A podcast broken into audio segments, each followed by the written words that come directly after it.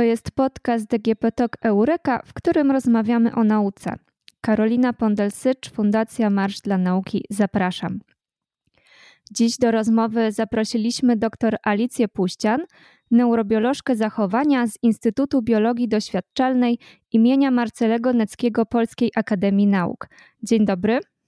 Dzień dobry Pani i dzień dobry Państwu. Spotkałyśmy się, aby porozmawiać o tym, jak nasz mózg reguluje nasze zachowania społeczne. I myślę, że każdy z nas ma potrzebę przynależności do jakiejś grupy, bycia akceptowanym. I jaką rolę w tym odgrywa nasz mózg?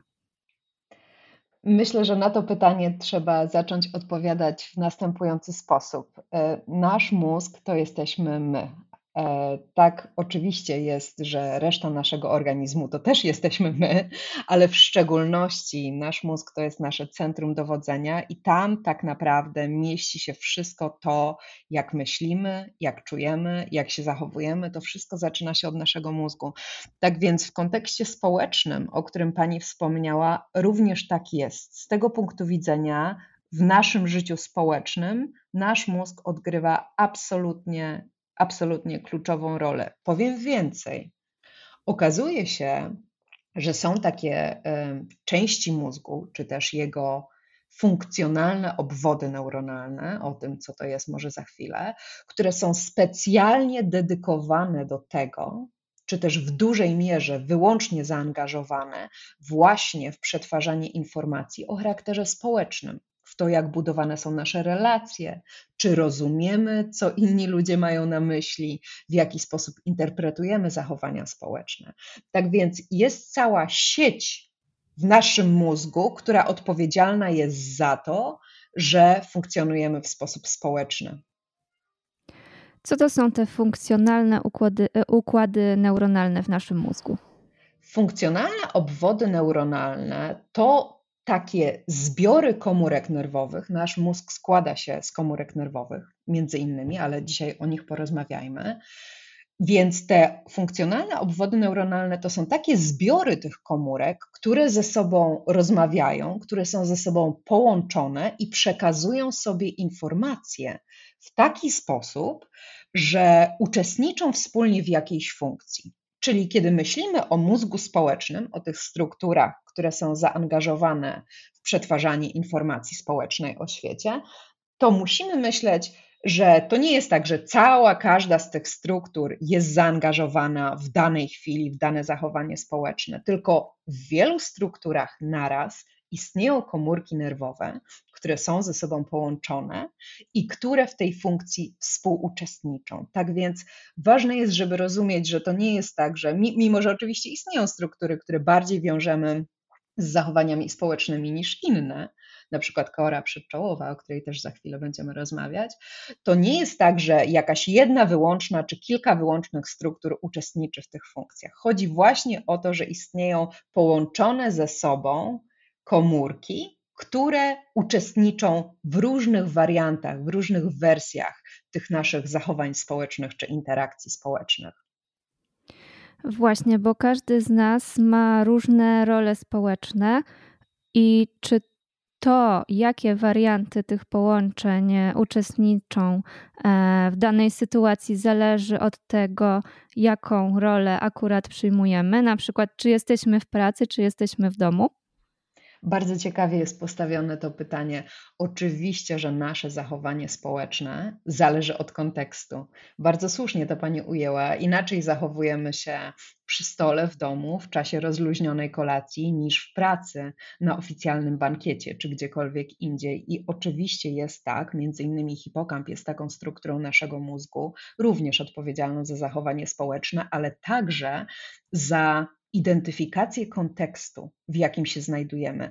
Naukowo kontekstem z punktu widzenia neurobiologii nazywamy właśnie to, co nas otacza w danej chwili, w jakiej sytuacji się znajdujemy. Czy jestem tu, czy gdzie indziej, czy jestem z tymi osobami, czy z innymi osobami, czy jest późno, czy wcześnie, jaka jest pora roku. Wszystkie te otaczające informacje otaczające nas informacje, które definiują daną sytuację, nazwalibyśmy kontekstem. I zachowanie społeczne nasze jest bardzo mocno zależne od tegoż właśnie kontekstu. Słusznie zaznaczyła Pani, że w różnych grupach społecznych odgrywamy różną rolę. Inaczej zachowujemy się jako pracownik, inaczej zachowujemy się jako uczeń, jeszcze inaczej zachowujemy się jako dziecko, a jeszcze inaczej zachowujemy się jako rodzic, prawda? I zazwyczaj w swoim życiu mamy okazję uczestniczyć, w, czy też być częścią różnych grup społecznych, i w tych różnych grupach społecznych odgrywamy zupełnie różne role, przejmujemy na siebie różne obowiązki, różne zadania, i pewnie, pewnie jest tak, że nasz mózg po pierwsze doskonale rozgranicza te konteksty, bo wiemy o tym przecież, że e, pani czy ja wcale się nie musimy zastanawiać, jak ja się powinnam zachować w tej sytuacji, tylko czujemy to po prostu przez skórę. Nasz mózg w dużej mierze robi to automatycznie, że dostosowuje nasze relacje, sposób, w jaki komunikujemy się z innymi ludźmi, czy jak, w jaki wobec nich się zachowujemy, do sytuacji, w jakiej się znajdujemy. A jak to jest, gdy przyjmujemy jakąś rolę społeczną, której wcześniej nie znaliśmy? Na przykład e, zostajemy rodzicami, wszystko się zmienia i jak nasz mózg reaguje na taką nagłą zmianę? Prawda, że zmiany są trudne. To też jest niesłychanie e, e, istotny wątek, który Pani poruszyła, a już w szczególności, kiedy musimy radykalnie przebudować sposób funkcjonowania społecznego, to jest dla nas bardzo, bardzo trudne. Nie tylko w takich radosnych momentach, o których Pani wspomniała, jak ten, w którym w rodzinie pojawia się nowa osoba, pojawia się nowe dziecko, ale także kiedy z rodziny na przykład ktoś odchodzi albo kiedy dochodzi do rozstania. Mm, bardzo interesujące jest to, że okazuje się, że tak zwany ból społeczny czy cierpienie społeczne w dużej mierze w, w jego przetwarzanie w mózgu zaangażowane są te same obwody neuronalne, te same funkcjonalnie połączone ze sobą grupy neuronów w mózgu, które odpowiadają za ból fizyczny. Są takie bardzo interesujące doświadczenia, już myślę dosyć stare, one mają przynajmniej 10 lat, jak nie lepiej, w których osoby badane wkładano do rezonansu magnetycznego. To jest takie urządzenie, które potrafi nam w czasie rzeczywistym pokazać, jaka jest aktywność mózgu w różnych jego obszarach. I prowadzono na tych osobach takie doświadczenie, które polegało na tym, że była animacja, w której osoby zaangażowane w doświadczenie podawały sobie piłkę. I kiedy dochodziło do sytuacji wykluczenia społecznego, czyli poinstruowani odpowiednio eksperymentatorzy pomijali tę osobę, która leżała w skanerze w tym wirtualnym podawaniu sobie piłki, tak że ona po prostu przestawała czuć się częścią tej grupy, przestawała czuć się zauważana, to okazuje się, że te osoby, które raportowały, że odczuwają z tego powodu bardzo duży dyskomfort, ból społeczny z powodu wykluczenia, u nich faktycznie aktywowały się w dużej mierze te same obszary mózgu, które w tej chwili, w, te, w, podobnej sytuacji byłyby odpowiedzialne za odczuwanie bólu o charakterze jak najbardziej fizycznym. Także to, co Pani powiedziała, jest bardzo ważne. Każda taka przebudowa naszego zachowania społecznego, zwłaszcza ta, która wiąże się z jakimś dyskomfortem, z jakimś wysiłkiem. Tak często także jest, kiedy wchodzimy w nowe sytuacje e, społeczne, prawda? Na przykład, kiedy rozpoczynamy nową pracę, czy idziemy do nowej szkoły, czy po prostu wchodzimy na imprezę e, wśród ludzi, których e, bardzo słabo albo jeszcze bardzo niedługo znamy. To są wszystko takie sytuacje dyskomfortu, w których ewidentnie nasz mózg rejestruje, że to jest nowe, to jest trudne i dopiero zachowanie społeczne i adekwatne zachowanie społeczne w szczególności musi się dopiero ukształtować, bo e, Cała sprawa, myślę, polega na tym, że najłatwiejsze, i to już nie dotyczy tylko zachowania społecznego, tylko zachowania w ogóle emocji, motywacji także samo, Najłatwiejsze jest dla nas to, co znane, co dobrze obstukane, co robiliśmy tysiące razy. No wiemy to doskonale. Najbardziej komfortowo czujemy się w takich relacjach społecznych, które mamy od lat, które doskonale sprawdzają się w naszym życiu, przeszliśmy już razem niejedno, prawda? To są te najłatwiejsze, najbardziej komfortowe, najspokojniejsze relacje społeczne. Wszystko to, co jest nowe, jest znacznie bardziej trudniejsze, a sytuacja, w której człowiek staje się rodzicem i nie tylko pojawia się ten nowy mały człowiek do kochania, ale także całe życie dookoła wywracane jest do góry nogami, no to jest sytuacja bardzo, bardzo trudna. Nawiązując do tego, o czym wcześniej powiedziałyśmy, mózg rozpoznaje to jako zupełnie nowy kontekst. Może wróćmy do tego przykładu imprezy. Wchodzimy na imprezę, nie znamy e, nikogo albo niewiele osób, i w jaki sposób nasz mózg ocenia, czy dana osoba będzie, ta relacja tak do, e, nowa z daną osobą, będzie dla nas bezpieczna albo niebezpieczna, albo nawet może zagrażać naszemu życiu? Mhm, bardzo ciekawe, że Pani to poruszyła. Tutaj dotykamy sprawy fundamentalnej i to jest również temat, e, na który, nad którym prowadzi badania e, mój zespół w tej chwili, dotyczące tego, czym się różnimy my i oni, prawda? Bo to, o czym pani powiedziała, czy ja się czuję bezpiecznie, czy ja się czuję komfortowo, czy ta osoba mi nie zagraża, kiedy ten ktoś jest nowy w szczególności, to dotyczy właśnie tego, czy ten ktoś może być częścią mojej bezpiecznej grupy społecznej, mogę go identyfikować jako członka tego, co zdefiniowałabym jako my, czy wręcz przeciwnie, to jest ktoś, kto będzie stał po tej przysłowiowej drugiej stronie barykady i będziemy go definiowali jako członka grupy oni. Okazuje się, że między innymi nasza kora przedczołowa, i to właśnie badamy e, w projekcie, o którym w tej chwili mówię, zaangażowana jest w rozróżnianie bodźców społecznych, które definiujemy jako swoje i definiujemy jako obce. Jest niezwykle ciekawe, że Odkrycia nasze pokazują, że są takie grupy komórek, może cofnę się jeszcze jeden krok e, i powiem, że e, korę przedczołową, tak jak zresztą wszystkie inne struktury mózgu, e, te struktury są skomponowane z bardzo różnych typów komórek nerwowych. Mamy komórki hamujące, mamy komórki pobudzające, i w obrębie tych dwóch, można powiedzieć, podstawowych typów, mamy szereg kolorów rodzaju, mówię oczywiście w przenośni, kolorów, rodzajów, typów, rodzajów fizjologii, morfologii, wszystkiego, co się z tym wiąże. Okazuje się, że jesteśmy w stanie we wcześniej rzeczonej korze przedczołowej zidentyfikować takie komórki, mówię teraz konkretnie o komórkach hamujących, wyrażających parwalbuminę, które odpowiedzialne są specyficznie za kodowanie informacji o znanych bodźcach społecznych. Kiedy manipulujemy ich aktywnością w mózgach zwierząt doświadczalnych, to okazuje się, że te zwierzęta przestają funkcjonować prawidłowo w domenie rozpoznawania tego, kto jest swój. Czyli nie są tak skłonne do tego, żeby wchodzić w interakcje z dobrze znanymi sobie osobnikami, z którymi w sposób naturalny wcześniej spędzały bardzo dużo czasu. Natomiast manipulacja aktywnością tą samą grupą komórek nie zmienia absolutnie nic, jeżeli chodzi o interakcje z osobnikami nieznanymi. Mamy także takie doświadczenia, które pokazują, że ingerencja w inne grupy komórek, czy też inne typy komórek, również w, e, w okolicach przedczołowych, w korze prelimbicznej konkretnie, wpływa i na jedno, i na drugie, ale sam, to znaczy na interakcje z bodźcami społecznymi o charakterze znanym i o charakterze obcym. Ale sam fakt, że jesteśmy w stanie dzięki metodom inżynierii e, genetycznej wyekstrahować takie grupy komórek, którymi, mówiąc kolokwialnie, możemy pokręcić i zmienić coś specyficznie w stosunku do w, w, aspekcie zachowania w stosunku do osobników znanych albo osobników obcych, to już jest super i pokazuje, jak bardzo istotne jest funkcjonowanie obwodów kory przedczołowej w determinowaniu tego, o czym Pani powiedziała na samym początku. Czyli kto jest swój, w związku z tym bezpieczny i można z nim spędzać czas w sposób komfortowy, a kto jest potencjalnie obcy.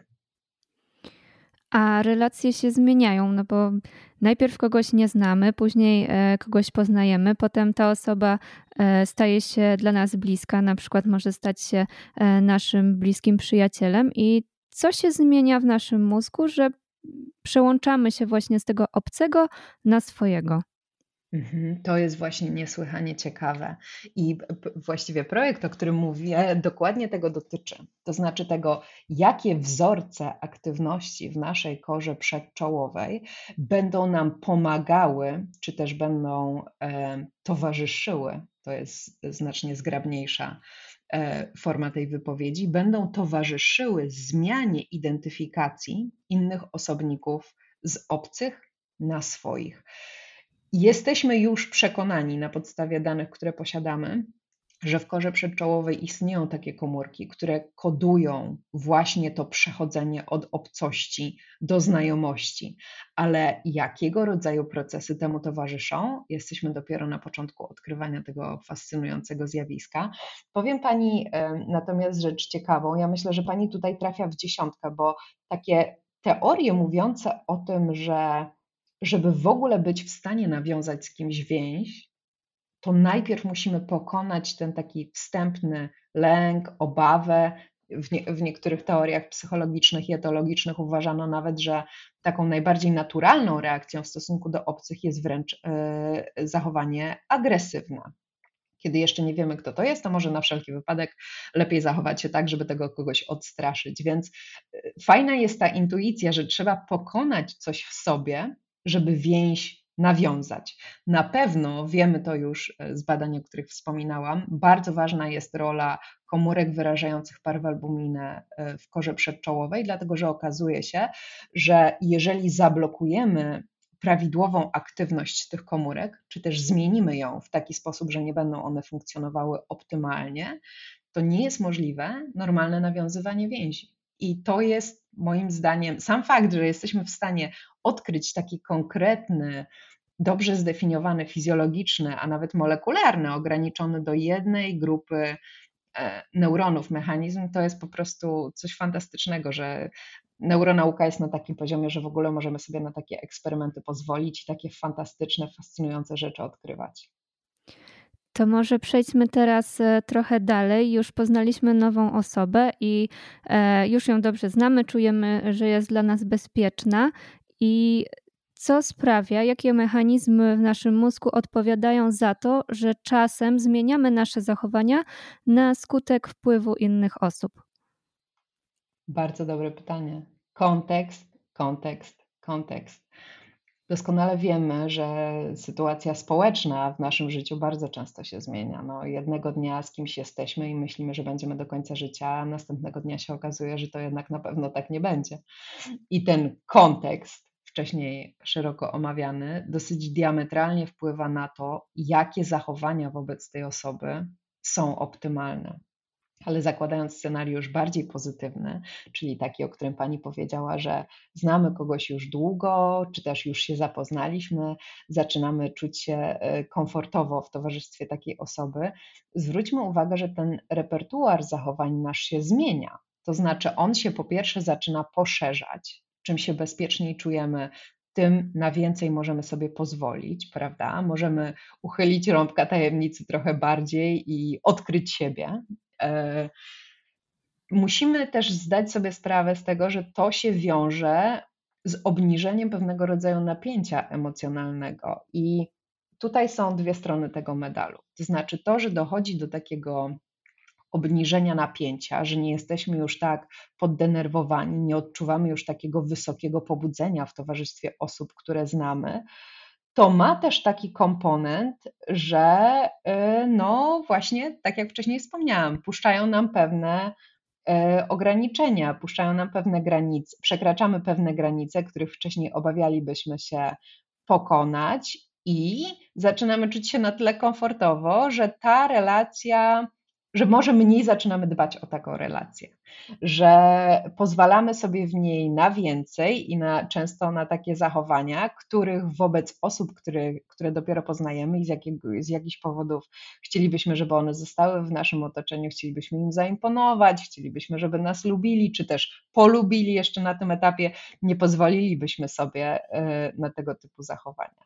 Tak więc każdy kij ma dwa końce i w tym przypadku faktycznie jest tak, że dochodzi do obniżenia tego napięcia emocjonalnego. Teraz e, nie mam na myśli, czy to są negatywne emocje, czy pozytywne. Chodzi mi po prostu o to, że ten poziom pobudzenia e, nie rośnie sam z siebie w obecności osób, które są nam bliskie i dobrze znane. No chyba, że sytuacja jest taka, że są powody ku, ku temu, żeby rósł, ale powiedzmy, że wyobrażamy sobie taką sytuację spokoj, spokojnej kolacji w towarzystwie osób, które dobrze znamy, wszyscy są rozluźnieni, zadowoleni, jesteśmy najedzeni, zaraz może będziemy grać w jakieś gry. To jest taka sytuacja pełnego społecznego spokoju. I taka sytuacja, tak jak już powiedziałam, mimo że super komfortowa, często ma niestety taki komponent, to znaczy stety albo niestety, takie jest po prostu życie, że um, odkrywamy siebie na tyle, że przestajemy przestajemy optymalnie dbać o taką relację i przestajemy wkładać, może tak powinnam to ująć, przestajemy wkładać tak dużo wysiłku w budowanie tej relacji, w której czujemy się bardzo, bardzo komfortowo. Czasem wpływają na nas nie tylko ludzie, których dobrze znamy, ale też e, na przykład osoby publiczne, których osobiście nie znamy, ale obserwujemy je e, i wpływają na nasze zachowania, poglądy, przekonania. E, jak to się dzieje? Mhm, to też jest niezwykle ciekawe pytanie. Wie Pani, w, takiej, w takim klasycznym neurobiologicznym i psychologicznym ujęciu są trzy rodzaje bodźców społecznych czy innych ludzi, mówiąc bardziej przyziemnie, które bardzo radykalnie są w stanie kształtować nasze zachowanie. Pierwsza grupa to jest to, o czym mówiłyśmy do tej pory, czyli ludzie, którzy są nam bliscy, którzy są dobrze znani. Drudzy, druga grupa to ludzie, których z jakichś powodów podziwiamy, czy też rodzaje autorytetów. I tutaj y, jest to niezależne od tego, czy to jest faktycznie, y, obiektywnie rzecz biorąc, autorytet w, naszej, w jakiejś dziedzinie. Chodzi po prostu o to, jak my to odbieramy. Takim kimś może być na przykład y, aktorka czy aktor, których uwielbiamy, bo uważamy, że są świetni w tym, co robią, albo jakiś autorytet religijny, dajmy na to dalej lama. Okazuje się, że jesteśmy niezwykle podatni na tego typu, e, na tego typu wpływy społeczne. I trzecim, e, trzecią grupą społeczną, która niezwykle duży wpływ ma na to, co robimy i jak kształtowane są nasze zachowania, emocje, motywacje, jest większość. Większość w rozumieniu, że dominująca część grupy społecznej, w której funkcjonujemy. Jeżeli mówimy, że jesteśmy częścią jakiejś konkretnej grupy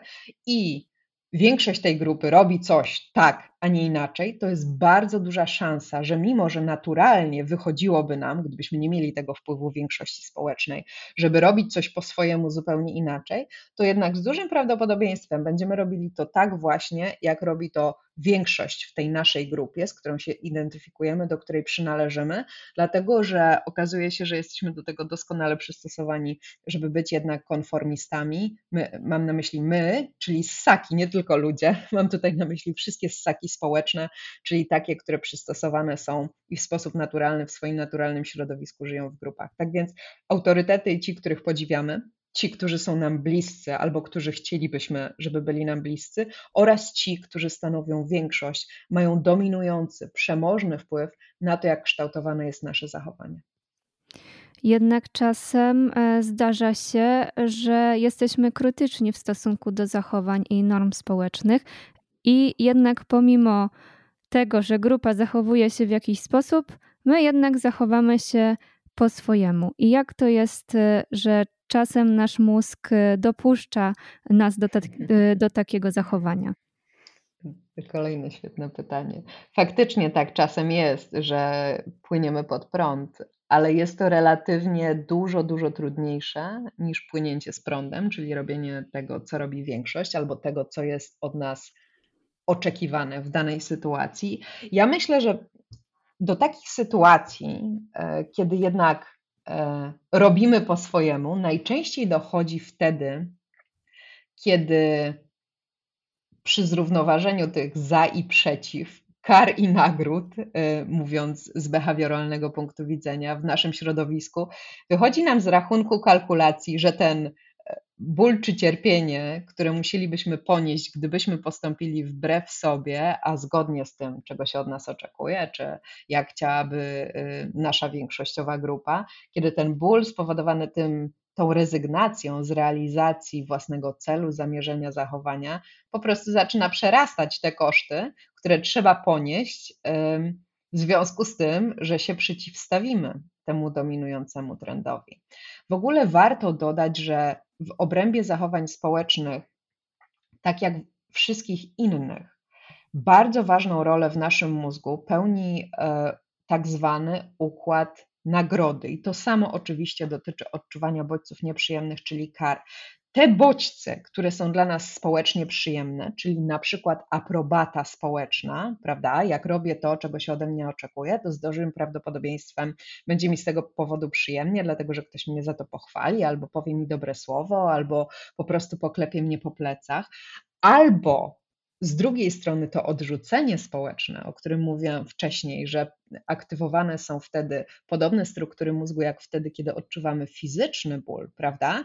Proszę zauważyć, że to gra na tych samych strunach. To znaczy, owszem, jest tak, że mamy wyspecjalizowane w mózgu obwody neuronalne, które są podstawą naszego zachowania społecznego, całej tej domeny, naszych interakcji społecznych, ale także bodźce społeczne, inni ludzie, czy też zachowania, jakie wobec nas wykazują i my wobec nich, grają także na tych strunach bardzo starych, dobrze zakonserwowanych, działających w mózgu obwodów neuronalnych, które odpowiadają za odczuwanie kar i nagród. I teraz w kontekście tego, o czym Pani powiedziała, kiedy z tego balansu kar i nagród wychodzi nam wreszcie, że postąpienie zgodnie z tym, czego oczekuje grupa, ale wbrew sobie będzie bardziej nieprzyjemne, bardziej awersyjne, bardziej kosztowne, niezależnie od tego, jakbyśmy to ujęli, niż gdybyśmy postąpili w sposób przeciwny, no to wtedy właśnie najczęściej, najłatwiej nam jest postawić na swoim. Ale jako kropkę nad i dodam, że to się bardzo rzadko odbywa bezkosztowo i w ogóle robienie czegoś wbrew grupie, a w szczególności wbrew ludziom, którzy są nam bliscy i stanowią naszą podporę społeczną w życiu codziennym, to jest niesłychanie trudne i emocjonalnie często bardzo, bardzo wyczerpujące.